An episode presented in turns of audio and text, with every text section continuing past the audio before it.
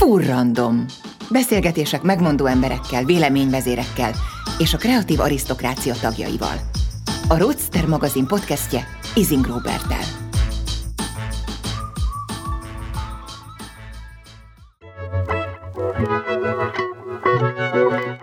Vogue címlapok, önbizalomhiány, nemzetközi topmodell státusz, testképzavar, medgála, saját brand. Accente Vanessa mögött intenzív hullámvölgyekkel teli időszak áll, és a java még csak most következik.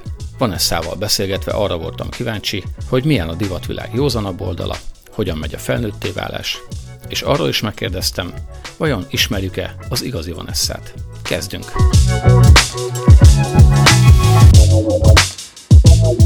Sziasztok, üdvözlök mindenkit, Izing Robert vagyok, ez itt a Full Random, a Roadster magazin podcastje. Mai vendégem Accente Vanessa. Szia Vanessa!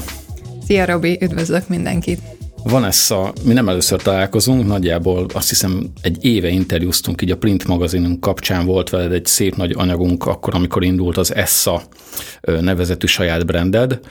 Most az lenne a kérdésem, hogy, hogy összefoglalnád, hogy mi történt azóta a branddel, meg veled, mióta legutoljára találkoztunk.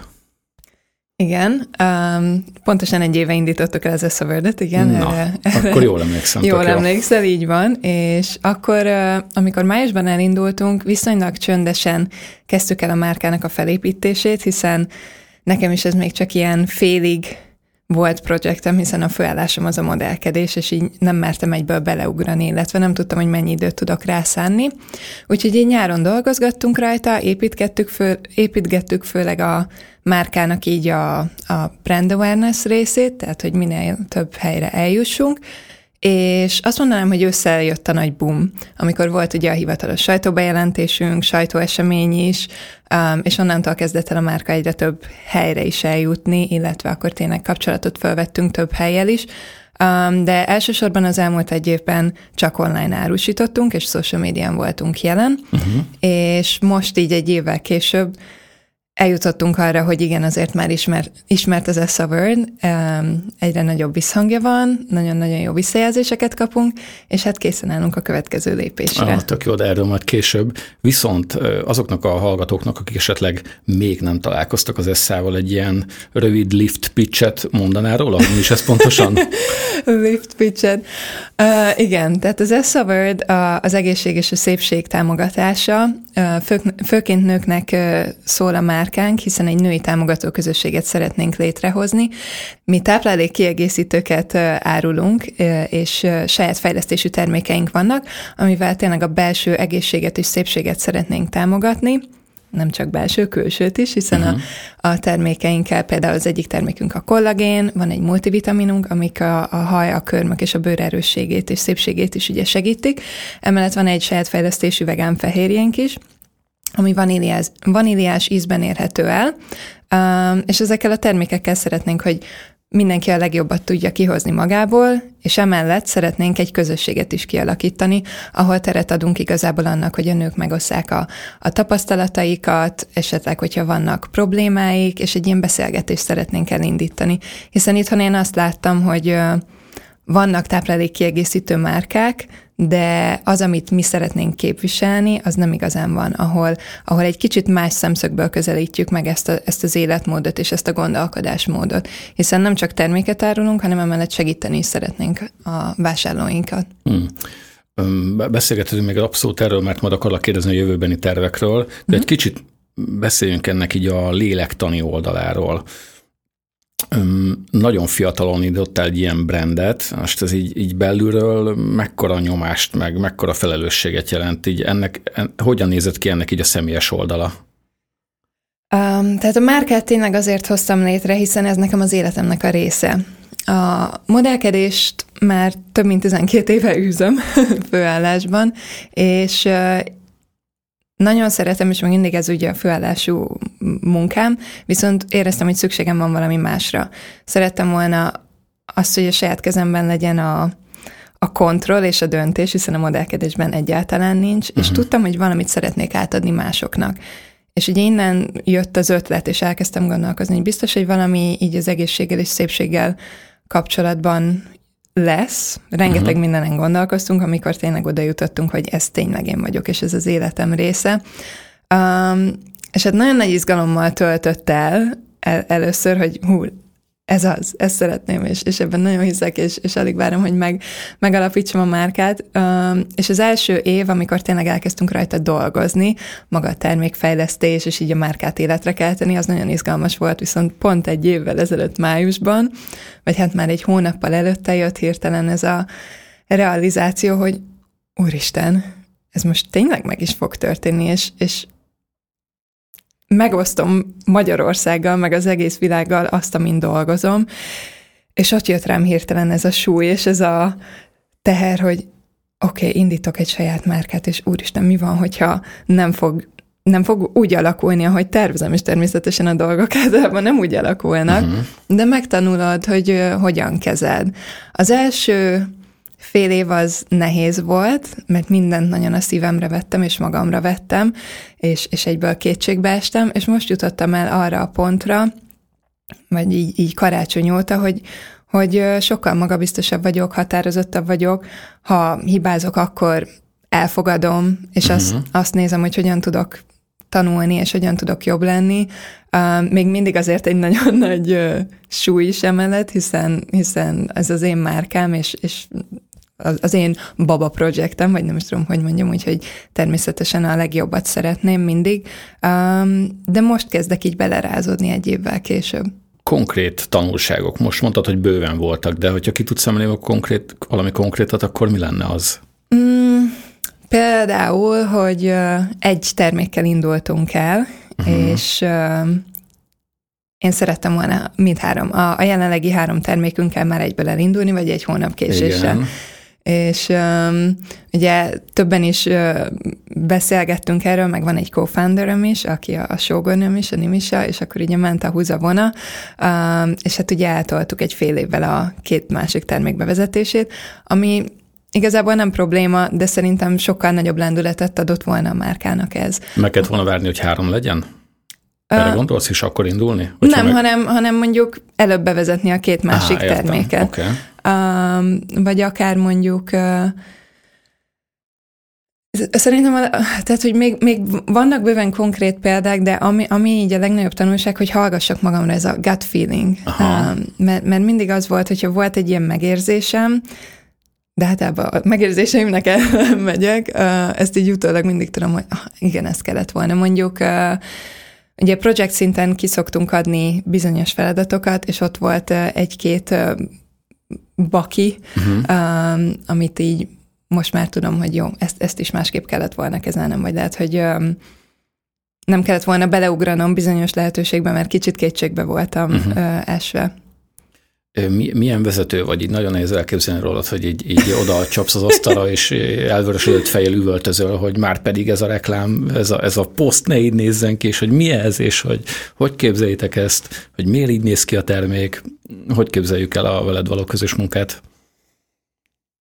Velem való közös munka szerintem egy, egy a, a családom biztos uh, most nagyot nézne és forgatná a szemét, amikor azt mondom, hogy egy nyugodt személy vagyok, mert a családomon kívül mindenkivel ugye nagyon tényleg nyugodtan beszélek, nagyon nem szeretek konfrontálódni, és, és ezeket a szituációkat vagy helyzeteket próbálom kerülni. Uh-huh. Um, úgyhogy azért mondom, az első fél évben inkább ilyen kis szerény voltam, most már azért egyre határozottabb és magabiztosabb vagyok, de nem vagyok igen az asztalra csapó, Aha. üvöltöző. Még egy fél év, és ezt az oldalt is megismerjük.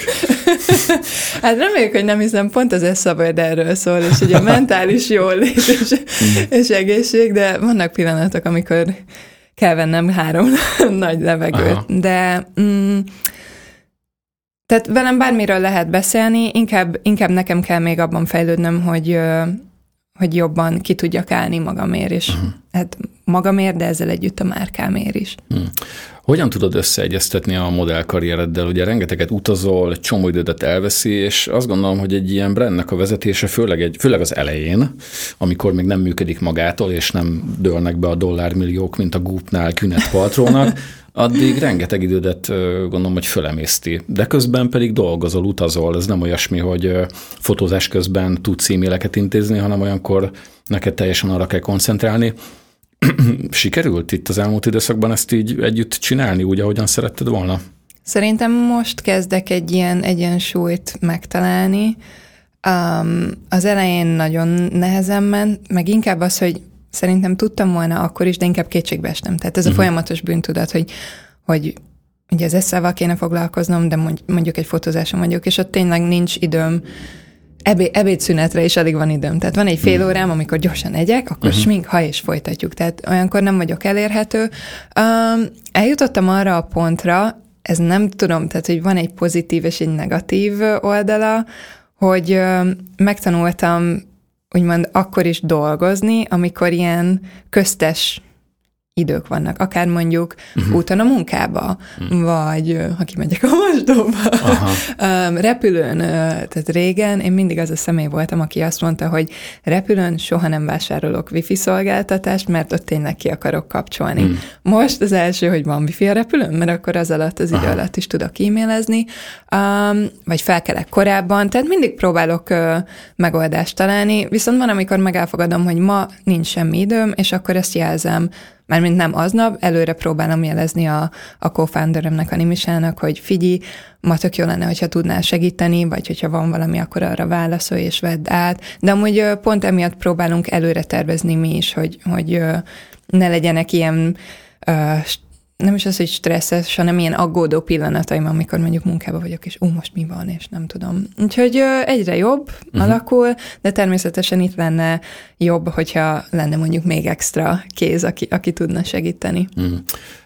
Voltak egyébként olyan hangok, amik így próbáltak téged erről esetleg lebeszélni. Akik azt mondták, hogy maradj annál, amihez értesz, ebben te szuper jó vagy, ebben világszínvonal, amit csinálsz, itt megégetheted magad, és nem is az, hogy rossz indulat dolgozott bennük, de mondjuk a féltés. Volt olyasmi, hogy megpróbáltak visszafogni, hogy ne indulj el ezen az úton? Persze, a mai napig. Igen? Igen. Hogy állsz uh, ehhez? Ugye el lehet választani, vagy különíteni, aki, aki tényleg mondjuk aggódik, uh-huh. meg az, aki így most, most ezt miért kell? Tehát ugye, a, aki tényleg aki inkább... Lekezel? Picit. Um, vagy hát ilyen negatív, hogy most ezt minek? Mert azért uh-huh. valljuk be Magyarországon főleg, de külföldön is volt ilyen, de itthon ugye az első dolog, hogy így, így próbálnak lehúzni és visszahúzni. A márkámnál is ez volt, amúgy például a mai napig szerintem páran még mindig nem értik, hogy ezt miért csinálom. Uh, különben érdekes, hogy a legtöbben nem lebeszélni akartak, vagy hát lehet valamilyen szinten ez lebeszélés, hanem azt kérdezték, hogy miért nem a, a divat szakmán belül indítottam el valamit, akár egy ügynökséget. Hmm. Mm, hiszen ebben vagyok, megvannak a kiépített kapcsolataim, de pont ez, hogy a divat szakma már nem volt úgy kihívás, nekem, tehát a munkáimat is sokszor ilyen autopilóta módban Hú, azt hallják. tehát én azt már bevallom, viszont kellett a Covid, kellett a szünet, kellett, hogy ráeszméljek, hogy ez tök jó is tud lenni, de már eljutottam arra a pontra, hogy annyira ilyen túlterheltnek éreztem magam, hogy, hogy emiatt volt ez az érzés. Um, na és akkor ugye kérdezték, hogy, hogy miért nem így a divat szakmában, és ez, hogy szükségem volt kihívásra, hogy tanuljak, az, hogy olyan dolgot csinálok, amit tényleg én vagyok, és az életem része, és az Esza volt száz százalékban az, illetve pont az, hogy a divat szakmából szerettem volna kilépni. Hmm. Mert az, a, az az őrület, az a kiszámíthatatlanság, akármennyire szeretem egyszerre, kicsit ilyen se veled, se nélkület kapcsolat az egész, és nem szerettem volna ebbe száz százalékban még a modellkedésen kívül benne lenni. Hmm férhez mentél, elindítottad a saját brandedet, most ez az elmúlt egy-két év neked egy ilyen abszolút felnőtté válásról szólt? Száz százalékban. Mm-hmm. És még mindig. Tehát, még ez tart? Még, még mindig tart. Uh-huh. Um, tehát a feladatok is, vagy hát ezek az élet uh, pillanatok, vagy nem is tudom, hogy mondjam, tehát hogy igen, az, hogy összeházasodtunk, összeköltöztünk, tehát ezek mind ugye a felnőtté válás része is, meg szerintem most van először az, hogy még mindig nagyon fiatal vagyok, de, de hogy már tényleg nem vagyok az a gyerek. Tehát 27, 27 éves vagyok, és, és most kezdem így érezni a, az elmúlt, nem tudom, évtized, vagy több, mint az elmúlt évtized, amit ugye így dolgoztam, és, és tapasztalatokat szereztem, hogy, hogy most kezdem így érezni, hogy aha, tényleg most már ilyen felnőtt vagyok, és már, és már nem az a gyerek vagyok, és uh, amúgy nagyon jó, um, de azért hirtelen így az elmúlt egy-két évben, ami így rám is zuhant, nehéz is volt nagyon. Hmm. Hát üdv a felnőtt létben akkor. Igen, ez már nem az, amikor oh, uh-huh. nem tudom, most csak így így oké, okay, a modellkedés van, és, és amúgy, tehát ott is volt bőven ugye stressz, stressz meg, uh-huh. meg ugye uh, admin része is, ugye nem csak a, a, annyi van, hogy én most a kamera elé állok, hanem azért ennél sokkal összetettebb a modellkedés is, um, tehát akkor is azért volt bőven dolgom, um, de most így hirtelen, tehát minden, amit lehet, amit mondjuk más szerintem 5-10 év alatt csinál meg, azt mi így két évben sűrítettük, és ugye még most is ezt próbáljuk így megoldani, és emiatt volt így nagyon nehéz és sok hirtelen. Hmm. Beszélgessünk most arról, hogy az Eszánál milyen tervek vannak, hogy néz ki itt a következő pár hónap vagy fél év, mennyit uh-huh. látsz előre? Um, így három-hat hónapokban szoktunk tervezni, főleg mivel nagyon kicsik is vagyunk, uh-huh. és kevesen is vagyunk az eszában, tehát ez tényleg ilyen, ilyen kis mini vállalkozás, és, és ugye a szívem ügye. Most fog a legújabb ízünk, ezt igazából mondhatom, mert már már akkor lesz ez az íz. Tehát az, a legújabb fahéjas csoki vegán fehérjénkkel most fogunk kijönni, tehát ami, amibe, amire az elkövetkező három-hat hónapban szeretnénk fókuszálni, hogy kereskedelmi hálózatokba is bekerüljünk. Tehát most jutottunk el arra a szintre, illetve ugye a termékpalettánk is bővül, tehát most már négy termékünk lesz, vagy van, illetve még bevezetünk majd hamarosan két másikat is, tehát így sokkal könnyebb bekerülni áruházakba is, vagy üzletláncokba, úgyhogy most állunk erre készen. Lesznek most izgalmas kollaborációink az elkövetkező egy-két hónapban. Most fog kijönni a Mary Claire-rel készült címlapom, ami egy külön szám, ami a mindfulnessről szól, tehát ez is ugye így az Essa world egy ilyen nagyon, nagyon jól működő és kapcsolódó téma, illetve projekt, ami, aminek nagyon örülök, és ez a magazin három hónapig lesz elérhető, uh-huh. úgyhogy ez is egy ilyen következő három hónapos projekt így megjelenések szempontjából, éttermekkel is beszélgetünk. Hmm. Ugye most nemrég volt a, a Ritznek a Café Beam kávézójában is a legújabb ilyen koktélitalunk, alkoholmentes, ezt megjegyzem. Igen, sokan kérdezték. volt benne. Igen, úgyhogy ez egy ilyen uh-huh. szépségbájtal. Uh-huh. Um, ennek is nagyon örülünk, és uh, tényleg, tehát az eszet szeretnénk minél több felé eljuttatni. Még mindig Magyarország, elsősorban a, a fókuszunk, emellett ugye külföldre is uh, szállítunk és árulunk, de itt szeretném legjobban felépíteni, tehát az elkövetkező hat hónapban. Az elkövetkező egy évben pedig szeretnék már külföldre is nyitni. Hmm, komoly. Hát akkor majd beszélgetünk megint, hogy egy év múlva hol tart a, hol tart a dolog. Igen. Érintettük már egy picit itt egy, egy-két mondatban, de mesélj, mesélj nekem egy picit arról, hogy hol tart most a modell, modellkarriered, milyen fázisban vagyunk. Ugye ezt, amikor kérdezted, hogy milyen fázis, így nagyon elgondolkoztattál, hogy hú, nem tudom, hogy, hogy erre, erre mit is mondjak. Tehát még mindig ugye ez a fő, fő munkám. Ez az első év, amikor kicsit másképp tekintek a modellkedésre. Eddig ugye tényleg a, az volt, hogy így a mindenem a modellkedés, és mindent dobtam, uh-huh. ugye? Tehát, hogyha ha most holnapra lett volna egy, egy betervezett programom, vagy, vagy egy születésnap, és felhív az ügynökségem, hogy figyelj, holnap van egy fotózás, el kéne menned ma este, akkor oké, okay, megyek már is. Uh-huh. Most már nem. Tehát most már kétszer átgondolom, hogy mit vállalok el, és hogy mi éri meg. Itt nem csak uh, financiális szempontból, hanem hogy nekem mit tesz jót, hiszen amint említettem, pont a Covid előtt volt egy ilyen nem azt mondom, hogy mélypont, mert nem az, csak hogy így nagyon elegem volt. Tehát már így besokaltam a folyamatos utazástól, és hogy, hogy mindig egyedül voltam, úgyhogy most így ezt is mérlegelem, hogy megéri-e nekem mentálisan és lelkileg ez a munka, Úgyhogy most sokkal-sokkal jobban átgondolom az egészet, de még mindig dolgozom, ugyanúgy.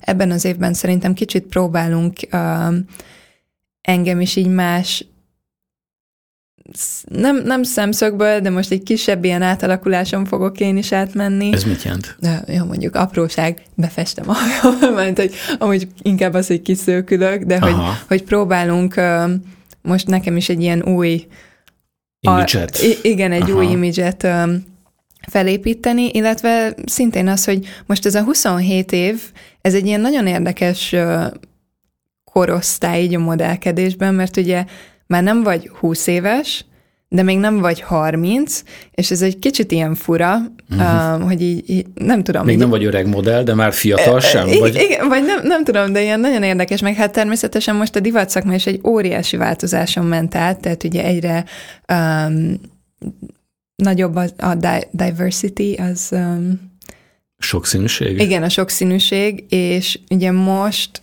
sokkal jobban arra fókuszálnak a, a nagy cégek, meg hát mindenki, hogy ugye minél befogadóbb és, és minél sokszínűbb legyen a, a kampány, akár a katalógus, vagy bármi, amit uh-huh. ugye csinálnak.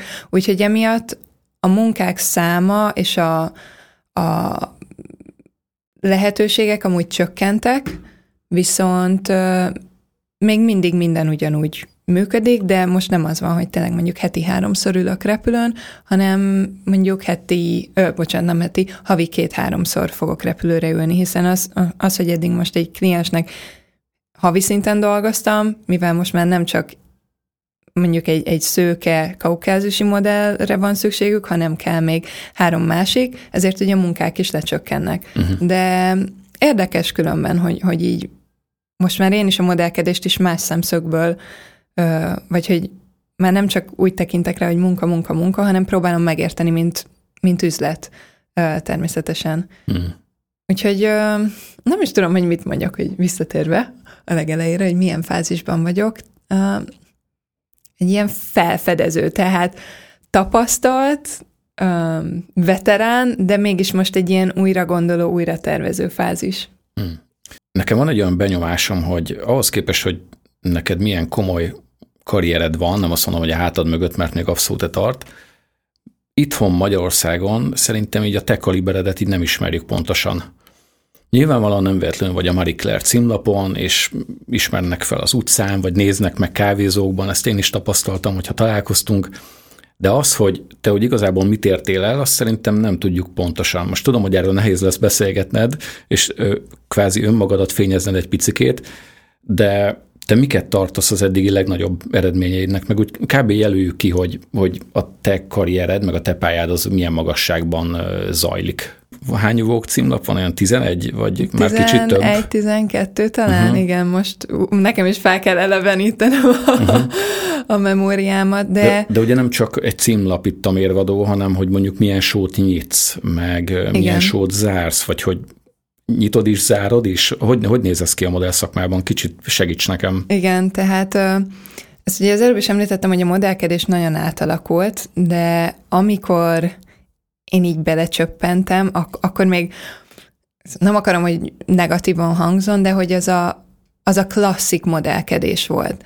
Um, még a social media is uh-huh. akkor kezdődött talán, tehát tényleg a social media alakította át nagyon így a divat szakmát, de amikor én elkezdtem, akkor még tényleg ugye voltak a, a top modellek, a szupermodellek, és, és minden így arról szólt, hogy kinek vagy a múzsája, milyen márkának dolgozol, igen, milyen sót nyitsz, tehát megvoltak így ezek a, a szintek is, hogy, hogy miket kell megcsinálnod, hogy hova juss el, és, uh-huh. és tényleg, hogy a... Milyen fotósokkal dolgozol, ez is ugye jelentett, hogy kifotózott téged, igen, az, igen. az jelentette, hogy kb. így hol tartasz. Igen, tehát ö, nagyon sok ilyen szabály, de közben uh-huh. nem szabálynak mondanám, de igen, tehát hogy szabályok voltak, um, és ez most így teljesen megváltozott. Tehát most uh-huh. már így azt se tudom, hogy, hogy amúgy mi és hogy lenne. Tehát most már egy show, hogyha nyitsz egy sót, azzal nem fog akkora változás beteljesedni a karrieredben, mint mondjuk nekem azzal, hogy a Prádosót megnyitottam, uh-huh. ami történt.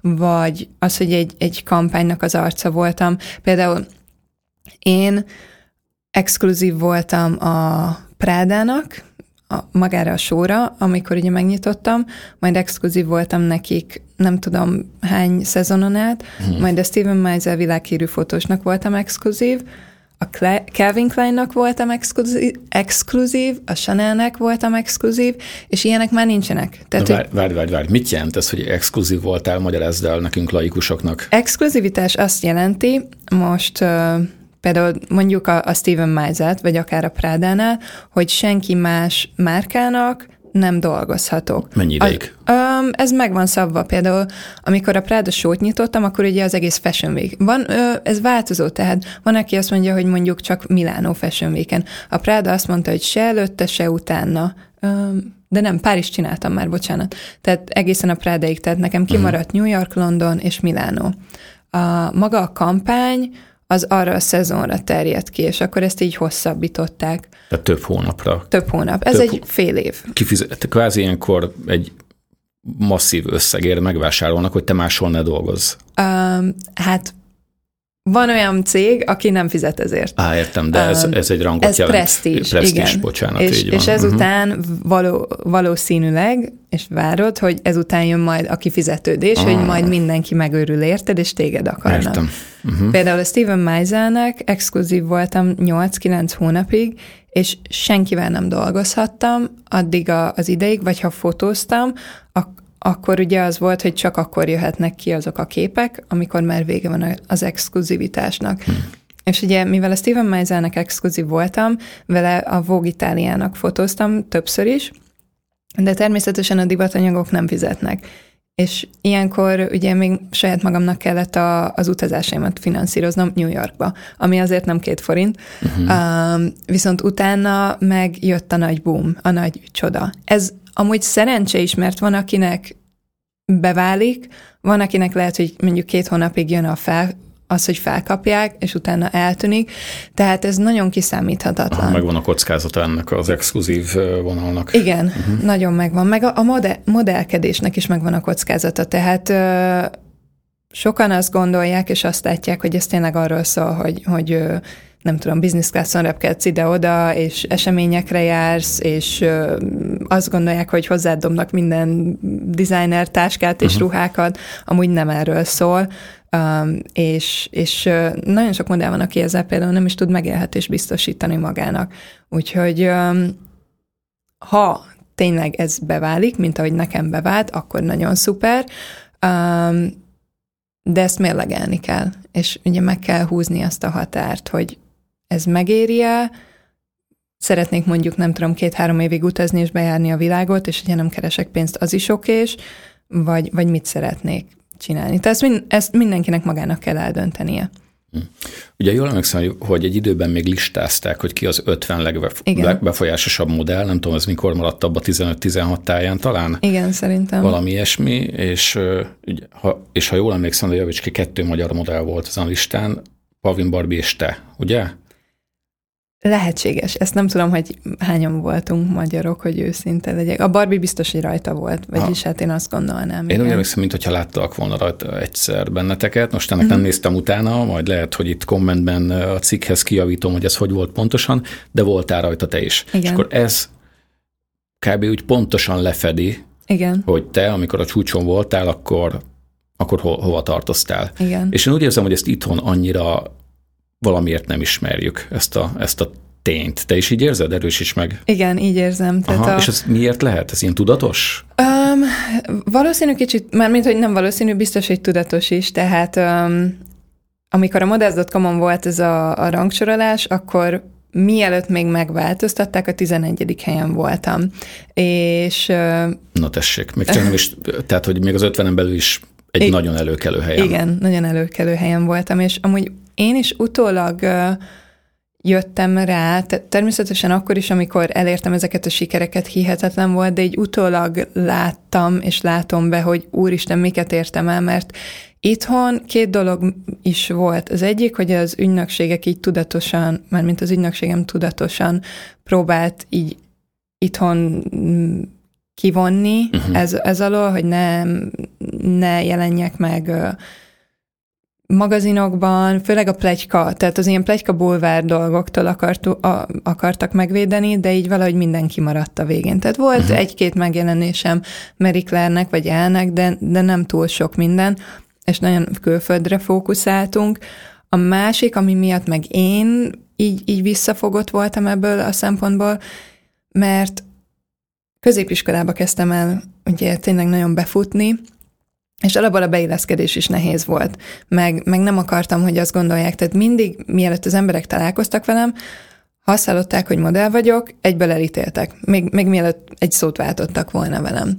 És, és emiatt én nem is nagyon mondtam, hogy, hogy modell vagyok, uh-huh. um, és nem szerettem róla Negatív beszélni. diszkrimináció. Igen, úgyhogy uh-huh. emiatt sem um, mond, beszéltem erről, meg, meg büszkélkedtem, mert így, hogy úristen, tehát, hogy, hogy mit fognak szólni, vagy gondolni, és így tök sokáig elnyomtam magamban ezt, hogy wow, úristen, a Práda arca vagyok. Tehát természetesen nagyon örültem neki, meg hát a családomban a legnagyobb rajongótáborom, úgyhogy ők mindig nagyon büszkék voltak, és, és ezt világá kürtölték, de valahogy itt, itthon ez így elmaradt, meg, meg itthon Ugye tényleg inkább amiatt voltak felkapottak, tehát az érdekelte a legtöbb, és, és mondom itt megint a bulvár, meg a sajtó, hogy, hogy mi, miről tudnak írni, hogy mondjuk mivel nem tudom, hol, hol jelentem meg, vagy, vagy kivel, uh-huh. vagy, vagy hogy tudod, számomra nem értéket képviselő dolgokat akart volna a bulvár, amit, amit ugye így én se szerettem volna. Um, és, és ugye külföldön voltam, és szerintem egy idő után így, így, így mindenki elcsendesedett ezzel kapcsolatban. Tehát uh-huh. lehetett volna másképp csinálni dolgokat, um, de a múltat nem tudjuk megváltoztatni. Viszont igen, azzal száz százalékban egyetértek, hogy szerintem magyar modellek közül, és ezt nem nagy zodásból, most tudom először én is kimondani magamról, hogy, hogy az a, azok, amiket elértem, más modell nem érte el itthon, és, és több országban is, és nagyon büszke vagyok rá. De ezt, ezt évtizedekig, vagy hát több mint, igen, tíz évig eltartott, hogy ezt ki tudjam mondani. Hmm, hát akkor gratulálok hozzá. A közösségi médiában megjelentek mostanában olyan, olyan nem is tudom, platformok, meg, meg vélemények, amik így a modellügynökségeknek a modellek iránt tanúsított bánásmódját piszkálgatják egy picit, és az előbb már itt említetted, hogy mostában figyelt, hogy hogy néz ki a biznisz oldal a, a szakmádnak, és hogy ne kerülgessem a forrókását, hogy miről van szó, vannak olyan vélemények, amelyek szerint az ügynökségek eléggé kihasználják különböző módokon a modelleket, és itt most nem feltétlenül arról van szó, hogy hogyha egy munkához kiközvetítik őket, akkor jutalékot kérnek, ami teljesen normális, hanem vannak ennek egyéb módjai. Te mit tudsz erről mesélni? Mik a tapasztalataid? Mit hallasz a szakmában? Igen. Um, szakmában amúgy erről sokat nem beszélnek, mert úgy, úgy ott mindenki kicsit csöndben van, inkább ugye körülöttem, meg itt is főként a social médián keresztül lehet hallani erről sokat. Igen, és hogy azért nem beszélnek, mert hogyha beszélnek, akkor attól félnek, hogy igen, nem kapnak munkát. Igen, igen, tehát ugye itt is uh, mindenki azért próbál óvatos lenni, és uh-huh. az, a social médiának lett ugye ez a az erőssége, és itt is amúgy vigyázni kell, mert van, amiben így a social media nagyon hasznos tud lenni, de van, amikor ugye átesnek az emberek a ló túloldalára, vagy másik oldalára. Uh-huh. Um, és tök jó, hogy, hogy ugye ezekről a, a problémákról lehet beszélni, és akár anonimusként, ugye, hogyha vannak ilyen platformok, ahova el tudod küldeni a tapasztalatodat, akkor ezeket megosztják, és nem kell ettől félned, tehát ennek van nagyon sok pozitív hatása, és az, hogy erről már beszélünk, és hogy történnek változások, ezek nagyon jók, de hát mennyi év eltelt, és, és mennyi igen, idő, energia és modell addig viszont megszenvedte ezeket. Tehát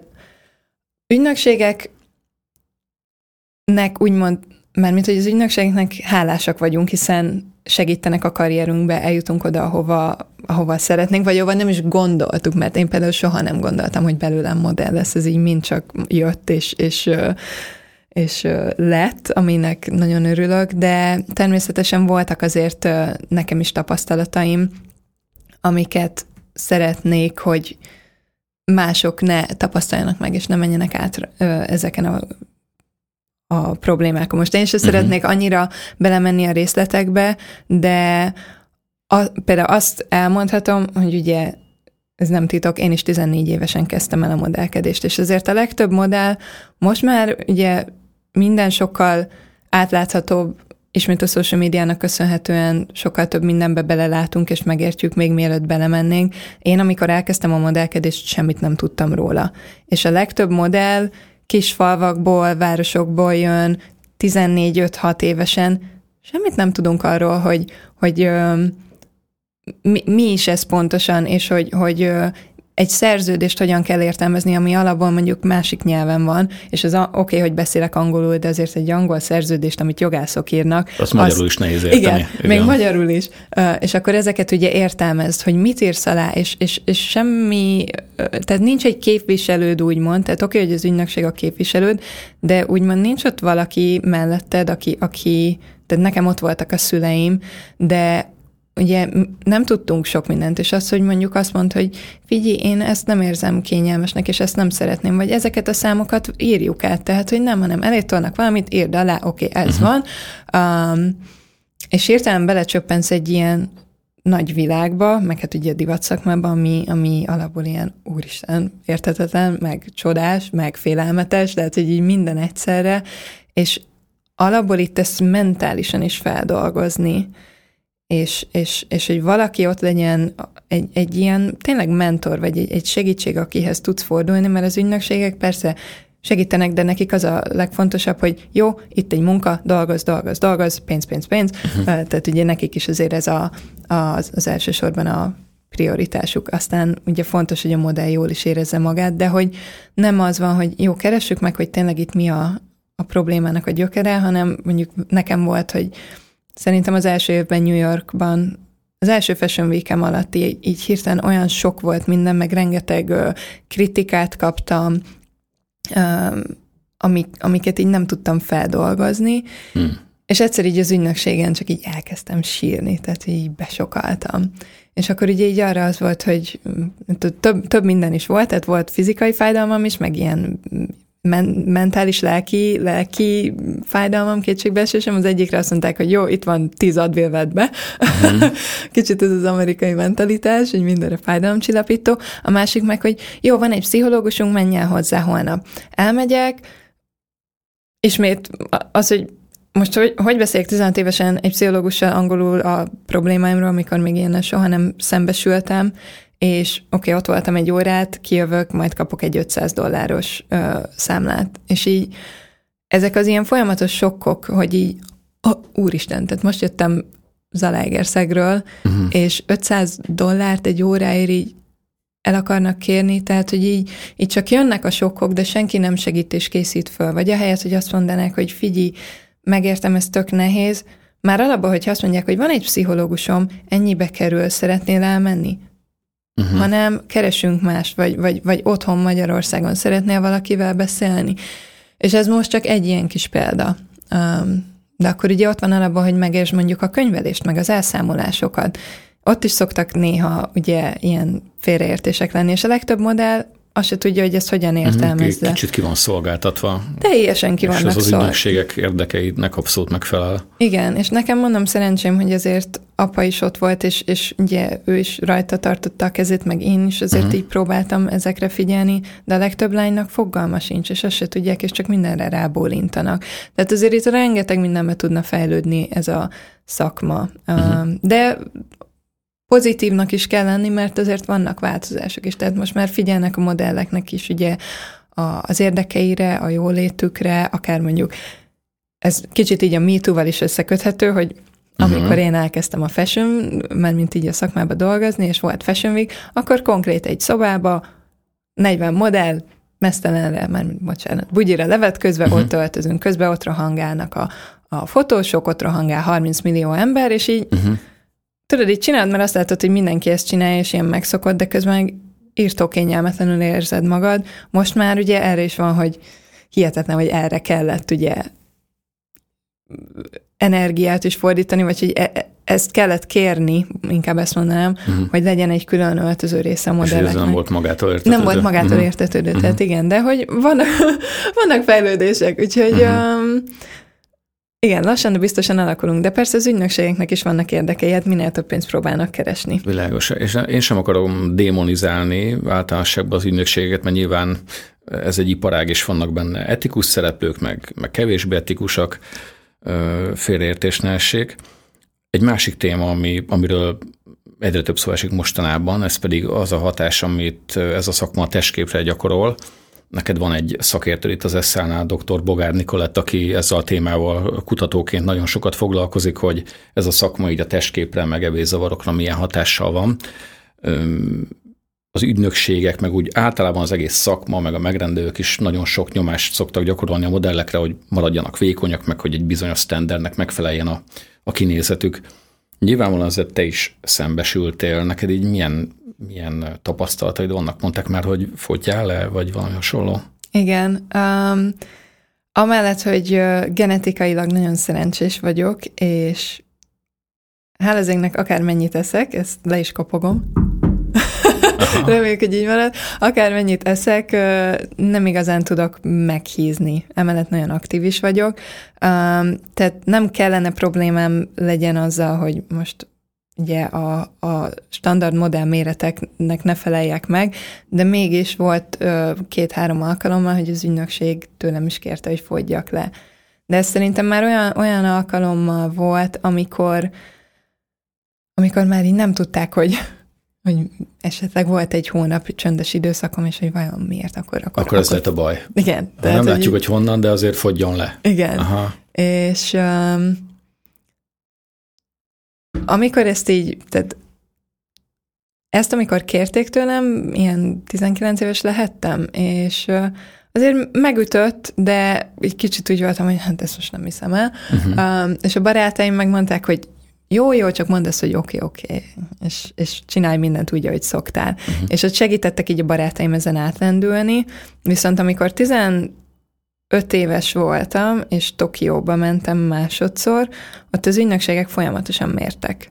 És az, amikor 15 évesen minden héten lemérnek, az azért így tényleg kikészít, és, és ott bevallom, tehát nekem étkezési zavarjaim és problémáim soha nem voltak, túlságosan szeretek enni ahhoz, hogy, hogy ezt így, így feladjam, uh-huh. de azért volt ott, hogy, hogy vissza, jóval visszafogtam magamat, és, és inkább ilyenkor még többet edzettem, tehát így utólag ezt belátom, de hála az égnek nem estem át a ló túloldalára, meg a szüleim se engedték volna, uh-huh. de meg, megviseli a lányokat, és most ugye mondom, megint történt egy ilyen változás a szakmában, hogy egyre nyitottabbak vagyunk, de én még mindig ezeket a nagyon extrém ö, végleteket látom, és, és ugye vannak márkák, aki, akiknél már a modellek így tudják, és a Fashion Week alatt is, hogy jó, XYZ nem fogok beleférni a ruhájába, ezért most már előre elkezdek fogyókúrezni. És én is, hogyha csinálok divatanyagfotózásokat, akkor vannak márkák, amiket, hogyha így meglátok, így mondom a stylistnak, hogy hát ebben nem biztos, hogy bele fogok férni. És, és ez olyan hihetetlen, hogy, hogy amikor ilyen 15 évesen így ezzel folyamatosan szembesülsz, és abban a szakmában, ahol tényleg így, így minden megnéznek és, uh-huh. és mhm. kritizálnak, tehát azért ezt nagyon nehéz feldolgozni, de mondom, én szerencsés voltam, hogy még ha szembesültem is ezzel, emellett nagyon sokat dolgoztam, és szerintem az is ugye segített, mert hogyha mondjuk valakinek valakitől ezt folyamatosan kérik, és emellett nem dolgozik, szerintem ott tud még így ez nagyon negatív és veszélyes lenni, hogy akkor még jobban, mert még mindig nem dolgozom, és még mindig nem oké, és még, uh-huh. még nálam, tehát nagyon sikeres voltam, és mondom, kétszer vagy háromszor kérték, és, és már így nem foglalkoztam vele, meg annyit dolgoztam emellett, hogy, hogy így uh-huh. nem igazán érdekelt. De mondom, a mai napig van, hogy tudom, hogy nem férek bele uh, bizonyos ruhákba, bizonyos designereknek a ruháiba, és um, ezt most már így el, tehát így, így elfogadom, és, és nagy ívből Teszel rá. teszek rá, mhm. igen. Uh-huh. De az, amit így mindenki gondol a modellekről, hogy nekünk van a legnagyobb önbizalmunk. Ja, pont ezt akartam kérdezni. Na igen, és, és pont ezért, mert folyamatosan kritizálnak minket, és lehet, hogy nem a szemünkbe mondják, uh-huh de ott a háttad mögött, vagy ez, hogyha nem tudnak valamit felcipzározni rajtad, és ez amúgy sokszor nem is súly, ez genetika. Lehet, hogy szélesebb a csontod, csontozatod, uh-huh. a, a csípőd szélesebb, és, és abból már nem tudsz lereszelni, tehát onnan nem folytsz, um, és azért ez sokszor ilyen én hülyeségnek tartom, mert bocsánat, um, de viszont visszatérve erre, hogy azt gondolják, hogy nekünk tök nagyon bizalmunk van, a modelleknek van a legkevesebb önbizalma, mert porig lerombolnak mindent, és még fel se tudod építeni, mert attól függ, hány évesen kezdesz el modellkedni. 14 évesen még az, hogy önbizalom, azt se tudod, hogy ez mit jelent. Tehát még nincs is, de már azt letörik, hmm. és, és lerombolják. És ezt nagyon nehéz felépíteni és visszaépíteni. Erről tényleg érdemes lenne nem nekem, neked egy valamiféle diskurzust indítani, így a szakmában nem. Egyrészt az ügynökségek felé, más modellek felé. Van itt úgy tűnik, mintha lenne egy csomó kibeszéletlen trauma, amiket kommunikációval meg lehetne oldani, nem? Amúgy rengeteg, Vagy igen. javítani rajta legalább. Igen, és én is nagyon sokat gondolkozom ezen, főleg ugye az elmúlt, tehát már két éve, hogy így elkezdtem a, a mentális jól létemre több figyelmet, energiát és időt fordítani, de az elmúlt egy évben egy ilyen nagyon nagy felismerés, megismerésen mentem át, ami nagyon pozitív, viszont így a sok mumust uh-huh. előhozta, uh-huh. És, és főleg így a modellkedéssel kapcsolatban így előjöttek az ilyen nehézségeim, um, meg amiken átmentem, és azóta én is így gondolkozom, hogy úristen, mennyire jó lenne más lányoknak segíteni, hiszen én is tökre örültem volna, hogy ez ott lett volna, és igen, az ügynökségek felé is ezeket kommunikálni. Úgyhogy nagyon gondolkozom, hogy valamit ezzel, valamihez kezdjek, vagy valamit csináljak. Uh-huh. Férjemmel is szoktunk erről beszélgetni, úgyhogy remélem ez is kifejlődik, viszont most így tudom, hogy oké, okay, itt az ESSA, ami, ami nagyon sok időm, emellett ott van a modellkedés, emellett ugye két ország között ingázunk, és itthon most próbálunk ugye egy otthont kialakítani, itthon is, tehát ilyen kétlakiak szeretnénk lenni, uh-huh. úgyhogy tervben van, még azt nem tudom, hogy mikor és hogyan tudom ezt megvalósítani és kivitelezni. Mm. Na most beszélgetünk egy kicsit ennek a nem is mondom, hogy problematikus vagy árnyoldára ennek a szakmának, de, de a komoly oldaláról. Most viszont felveszem a bulvár újságíró sapkámat, és, és átmegyek egy picit Story magazinba. Mm, megnéztem még korábban, amikor írtunk rólad a Getty Images képügynökségnél, hogy milyen fotók vannak fent rólad, és akkor láttam ott ilyesmit, hogy Cannes Filmfesztiválon Jean-Paul Gaultier oldalán vonulsz be a vörös szőnyegen. Egy ilyen dolog hogy jön össze? Uh, például a Káni Filmfesztivál, hát ez nagyon vicces volt. Um, ugye akkor pont az arca voltam a Scandal parfümnek, tehát uh, szerintem előtte egy pár hónappal jöhetett ki, úgyhogy uh-huh. így képviseltem magát a márkát, és szerintem egy-két héttel előtte hívtak, hogy ugye lesz a Káni Filmfesztivál, uh-huh. és hogy lenne kedvem menni. És mondtam, hogy úristen, na, na. Uh-huh. Um, de az egész ilyen nagyon hát tipikus divat szakma, ilyen utolsó pillanatban jött össze, azt se tudtam, hogy mi van, hogy van. Uh-huh. Ugye így küldték a repjegyemet, hogy oké, okay, akkor holnap, holnap repülsz, um, és alapból így felcserélték a napokat is, mert nem egyből mentem volna a vörösszönyegre, hanem következő nap, tehát igazából az volt, hogy megérkeztem a Nizzai repülőtérre, akkor ugye küldték a sofőrt nekem, és így mondták, hogy jó, megyünk a hotelbe, és akkor smink, haj, és, és mész a vörösszönyegre. Én meg így, uh-huh. ö, azt hittem, holnap lesz a, a nagy nap, Aha. és így jó, hm. oké, okay, és akkor megérkeztünk a, a hotelbe, és ugye gyorsan fitting, fitting, ott volt uh, Jean-Paul, Jean-Paul Gaultier is, uh-huh. vele néztük ugye át a ruhákat, hogy mit válaszunk ki, amúgy egy, egy fantasztikus karakter, tehát egy nagyon vicces és uh, laza személyiség. Először találkoztál vele akkor? Nem, már nagyon sokszor, tehát uh-huh. én a Jean-Paul Gaultiernek többször csináltam sókat, és út, tehát már szerintem kétszer-háromszor csináltam neki sót, amikor jött ugye először így az opció, uh-huh. a megkeresés, hogy a, a skandálnak lennék az, az arca. És ugye akkor is volt több meetingem vele, mert mint találkozom, uh-huh. és um, ugye végül megkaptam a, a kampányt, és akkor is ugye az első fo- forgatás, fotózás négy napos volt, akkor is ott volt ugye folyamatosan, aztán újra kellett vennünk pár részt, akkor megint ilyen két, okay. két napot, úgyhogy reng, rengeteg okay. időt, meg hát a sajtóesemény, uh-huh. úgyhogy nagyon sok időt eltöltöttünk, igen, és ez ugye így segített, hogy hirtelen ez a stressz, hogy úristen, megyek a vörösszönyre, így egy kicsit így megnyugtatott, meg sokkal lezában vettem. Hát amúgy hihetetlen így megtapasztalni, tehát ugye már, ahogy lejöttünk a hotelből, az emberek azt se tudják, hogy ki vagyok, de mindenki így fotó, fotó, kiabálnak, hogy nézd ide.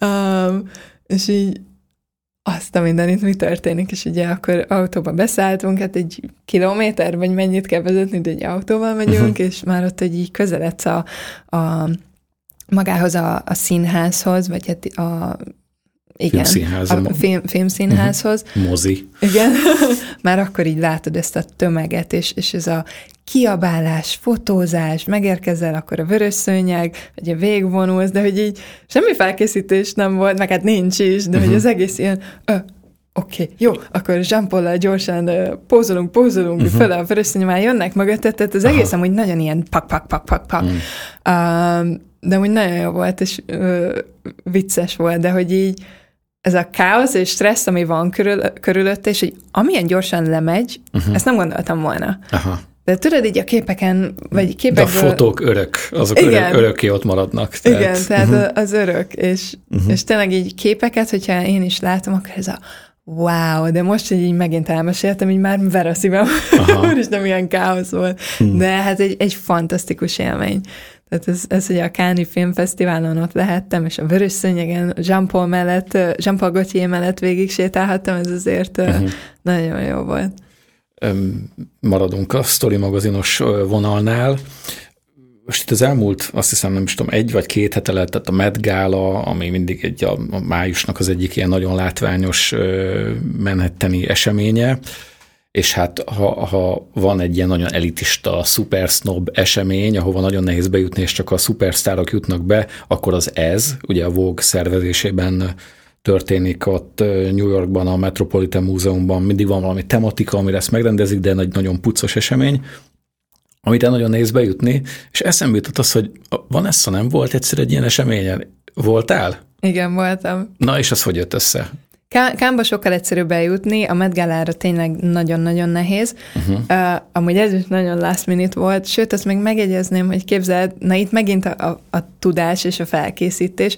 Amikor a Calvin Kleinnak voltam először az arca és exkluzív, és kim voltam a fotózáson, akkor még a Francisco Costa volt a tervező, és szerette volna, hogy elmenjek vele a Káni Filmfesztiválra, tehát itt voltam szerintem 16 éves, és így, uh-huh.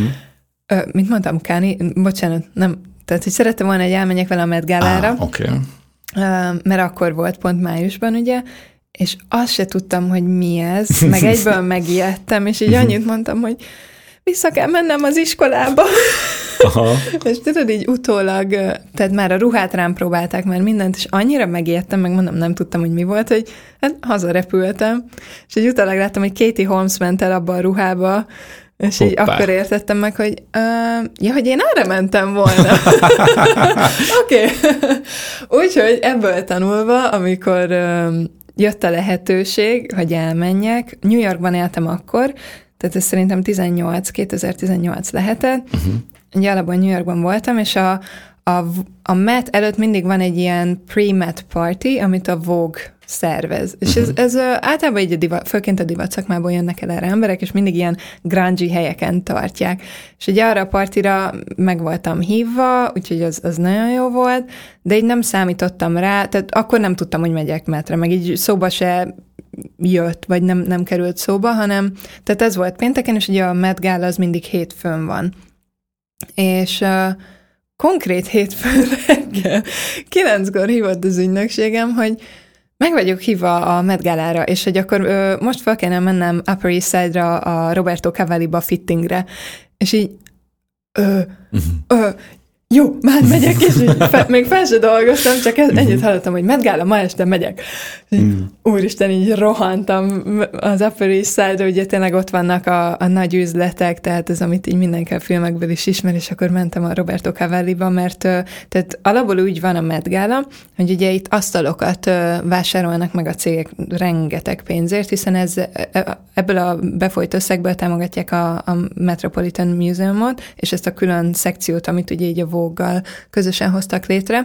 Úgyhogy tehát nagyon nehéz alapból asztalt is kapni, meg helyet, ezáltal ugye a meghívást, és engem a Roberto Cavalli csapata hívott meg, aminek nagyon örültem, Um, és hát akkor ugye ott voltam. És pont ráértél. Pont, pont ráértem, és pont uh, ott voltam New Yorkban. És hát akkor ugye megvolt a fitting, és akkor így mondom, hogy jó, és akkor most mi a, mi a, mi a lépés, vagy uh-huh. mit kell csinálni, megyek haza, és mond, ugye az ügynökségem hívott, hogy jó, akkor a Carlisle Hotel, ami szintén egy ilyen ö, nagyon ismert ö, világhírű hotel, és ott szoktak a legtöbben elkészülni, hogy akkor majd oda menjek délután, és akkor ott lesz haj, smink, minden, uh-huh. együtt elkészülünk. Két másik modellel készültem el, tehát hogy ilyen tök jó volt a hangulat, meg, meg mondom, mindenki nagyon izgatott volt, a másik két lánynak is ez volt az első alkalma.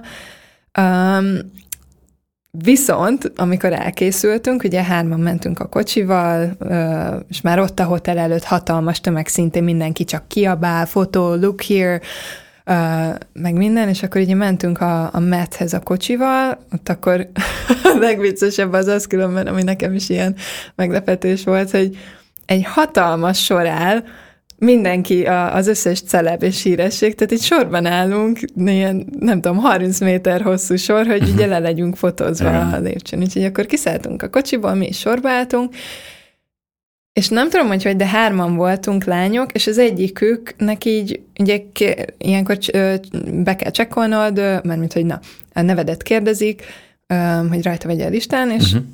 és az egyik lánynak így mondták, hogy bocsi, de nem, nem, nem vagy a listán, és nem Atyaik. tudsz jönni. És tudod, egész nap ott posztolt, meg készült, izgatott volt, és akkor konkrét ott így a szőnyegen így mondják, hogy bocsi, de nem, és így akkora sok volt az, hogy úristen, ilyen egyáltalán uh-huh. létezik, és tök rosszul éreztem magam, de közben meg így úgy voltam, hogy én itt vagyok, ezt most élvezni fogom. És amúgy, amint vége van a vacsorának, akkor ott még van egy ilyen kicsi ilyen mingling, tehát így az emberek azért beszélgetnek, viszont mindenki elindul, mert van rengeteg after party. Uh-huh. Na és akkor ugye ez ugye a városnak különböző részein van. Van a Boom Boom Room, ami megint ilyen híres és felkapott hely, meg még több más és akkor ugye ez megint ilyen nagyon vicces rész volt, mert akkor jó, vége van, és ráadásul nekem a barátnőm, akivel együtt laktunk, um, ő a Vognál dolgozott, és akkor együtt mentünk a, a helyszín, mert mint a, a metről az after partyba, és uh-huh. akkor ugye kocsiba beszállunk, és a kocsiba kellett ke- konkrét így átöltözni, mert hát ugye outfitet kell Aha. váltani, és tényleg filmbe ide jelenet, hogy jó, ez gyorsan, akkor most izé, adjátok a ruhát a sofőrtől, meg így takarod, hogy ne lásson, de a, úristen, itt vagyok New Yorkban, egy kocsinak a hátuljába öltözök, hogy a Met After Party-ára menjek, hm. és hát akkor ugye megérkeztünk oda, és hát mindenki Beyoncé-től elkezdve, akkor ugye jött a weekend, akkor a Bella Hadiddal voltak együtt, um, tehát így mindenki ott van, és így együtt buliztak, és tényleg az egész ilyen ezt most álmodom? Vagy így hihetetlen, és egy fantasztikus élmény volt. Úgyhogy örülök, hogy ott voltam, és egy lehetőségem volt erre, e, ezen az eseményen részt venni, és mondom így azután úgy voltam, hogy úristen, 16 évesen, amikor azt mondtam, hogy haza kell mennem iskolába. Kiadtál egy ilyen bulit. Igen, mert tényleg Duplázhattál volna. Duplázhattam volna, ami alapból már az, hogy egyszer elmész, egy fantasztikus lehetőség, hogy uh-huh. kétszer, vagy még annál többször, az meg ilyen uh-huh. Ugye wow. majd minden évben másokat hívnak meg, igen, ugye? Igen, Hát ki tudja, még lehet, hogy lesz még. Na, most így igen. Nem mondjuk azt, hogy ez volt az utolsó. Igen, hát hmm. nagyon remélem, mert tényleg egy, egy fantasztikus lehetőség. Na, sokat emlegettem, mint egy bizonyos bulvár magazin, most már többet nem reklámozom őket, viszont téged nem látunk bulvár magazinokban, itt már egy kicsit a beszélgetés elején emlegettük ezt, mennyire tudatos ez? Nyilvánvalóan, hogyha írnak róla, akkor írnak róla, de te nem adsz nyilatkozatot, próbálsz ebből így, így kimaradni, meg nem láttunk kereskedelmi tévés műsorban, nem láttunk valami jelmezből elúgorva énekelni. nem, nem főztél. Még jobb, hogy nem hallottatok énekelni. nem főztél, nem tudom, győzikével, meg nem tudom, kikkel különböző realitikben. Mennyire tudatos ez? Uh, nagyon tudatos, uh-huh. nagyon tudatos. Tehát uh, én nagyon szeretek amúgy beszélgetni, és így, így megnyílni egy bizonyos szintig, illetve ugye tényleg az, hogy miről és hova uh-huh. megy ez a, ez a megjelenés.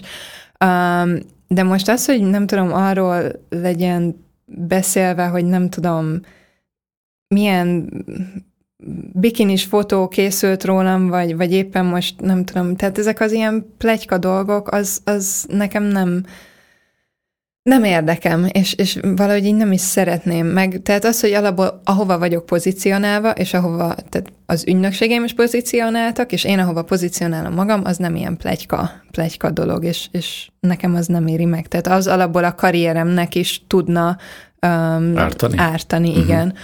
Um, és nem adok teret, mert tehát lehetne, ha szeretnénk, meg ha olyan dolgokat posztolnék a social médián, akkor lenne miről plegykálni, de uh-huh én ezeknek nem adok lehetőséget és teret. Tehát olyan van, hogy amikor összeházasodtunk a férjemmel, tehát nem adtam rá se engedélyt, meg semmit, és mégis ugye megosztották ezek a, a bulvár oldalak, tehát ez az én kontrollomon kívül van, de amúgy igen, ez, ez, ez teljesen tudatos, mm. hogy, hogy nem, és, és nem is vágyok rá, tényleg olyan, hogyha valamiről lehet beszélgetni, és aminek úgy érzem, hogy van értéke, és, és szintén át tudok akár információt, tapasztalatot adni másoknak, azt nagyon szívesen, de most az, hogy, hogy nem tudom, hol ö, pózolok bikinibe, vagy éppen business classon, vagy first classon, vagy privát gépen megyek valahova, meg ilyen, ennek nem tartom értelmét és értékét. Hmm.